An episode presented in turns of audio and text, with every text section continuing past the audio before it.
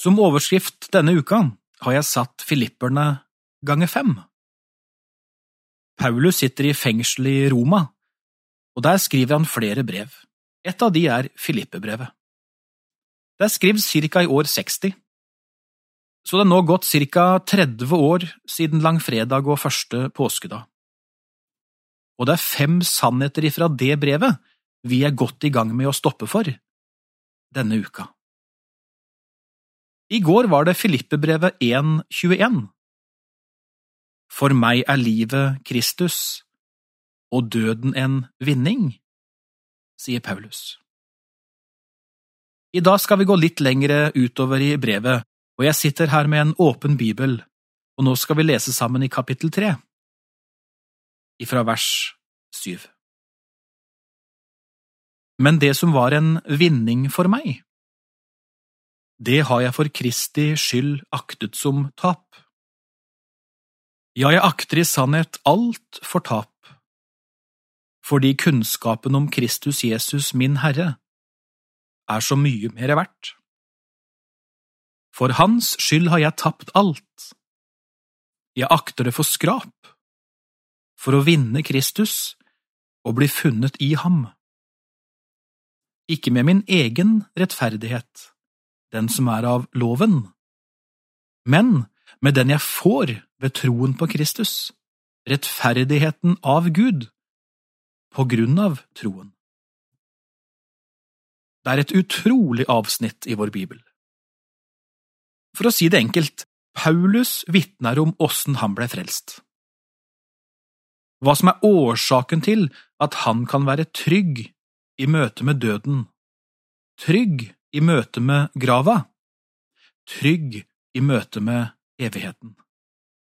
Det har sin grunn, sier han, ikke i meg sjøl, ikke i eget levd liv, ikke i mine anstrengelser eller religiøse aktiviteter. Heller ikke på de områder der jeg faktisk har seira over ting som jeg synes var trasig å ha der. Nei, det har aleine sin grunn i Jesu frelsesverk for meg. Golgata og den tomme grav er årsaken, sier Paulus. Derfor er jeg trygg, og derfor er jeg frelst, og derfor går jeg evigheten trygt i møte. Jeg er veldig glad i Salme 62. Ifra starten der så leser vi det sånn. Bare i håp til Gud er min sjel stille. Fra Han kommer min frelse. Han alene er min klippe og min frelse, min borg, jeg skal ikke rokkes meget. Jesu frelsesverk, det sikre og solide.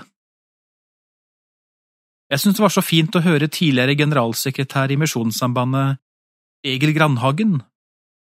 Noen dager før han døde, ble han intervjua Per Arne Dahl, hjemme i stua si. Og der fikk denne Grandhagen vitne så sterkt og så fint om hva som hadde betydd aller mest for han opp gjennom livet.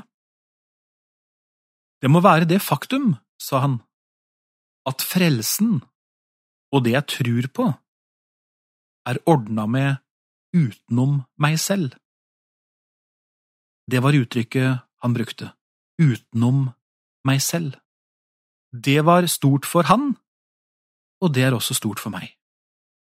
For hadde det ikke vært sånn, da hadde ikke det vært håp for noen av oss.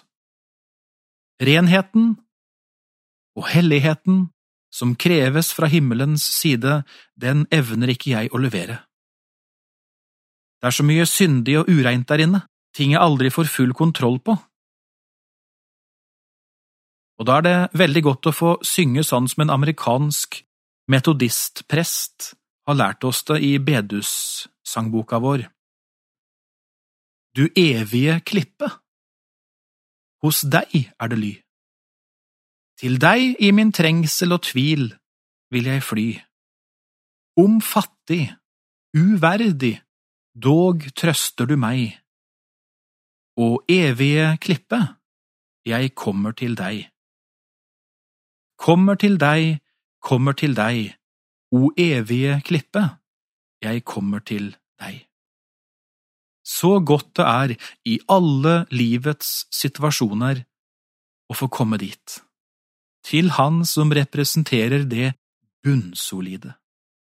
Han som har den frelse og som har den renhet som jeg trenger.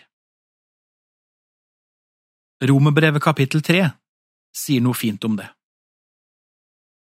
For liksom de mange blei stilt fram som syndere ved det ene menneskets ulydighet, så skal også de mange stilles fram som rettferdige ved den enes lydighet. Den enes lydighet. Og handler det om? Jo, det er Jesu frelsesverk for deg. Den enes lydighet. Å bli funnet i ham, sier Paulus i andagsordet vårt i dag. Filippebrevet 3. Å bli funnet i ham. Ikke med min egen rettferdighet, den jeg får ved loven, men den jeg får ved troen på Kristus. Tenk, der sitter Paulus i fengselscella si, i Roma, og så skriver han. Og så får han da Gud. Han må ha blitt øvegidde, som de sier borte i Rogaland. Et budskap så herlig, et budskap så sterkt, et budskap så tydelig. Å bli funnet i ham. Ikke med min renhet og ikke med min rettferdighet og ikke med mine seire, men ved det jeg får ved troen på Kristus Jesus. Dette skal vi få klynge oss til. Og vet du, dette holder i tid og i evighet. Må Gud velsigne dagen din. Per Tveten var andaktsholder i Over en bibel i dag. Serien produseres av Norea Mediemisjon, og du kan lytte til vårt arkiv av andakter på norea.no.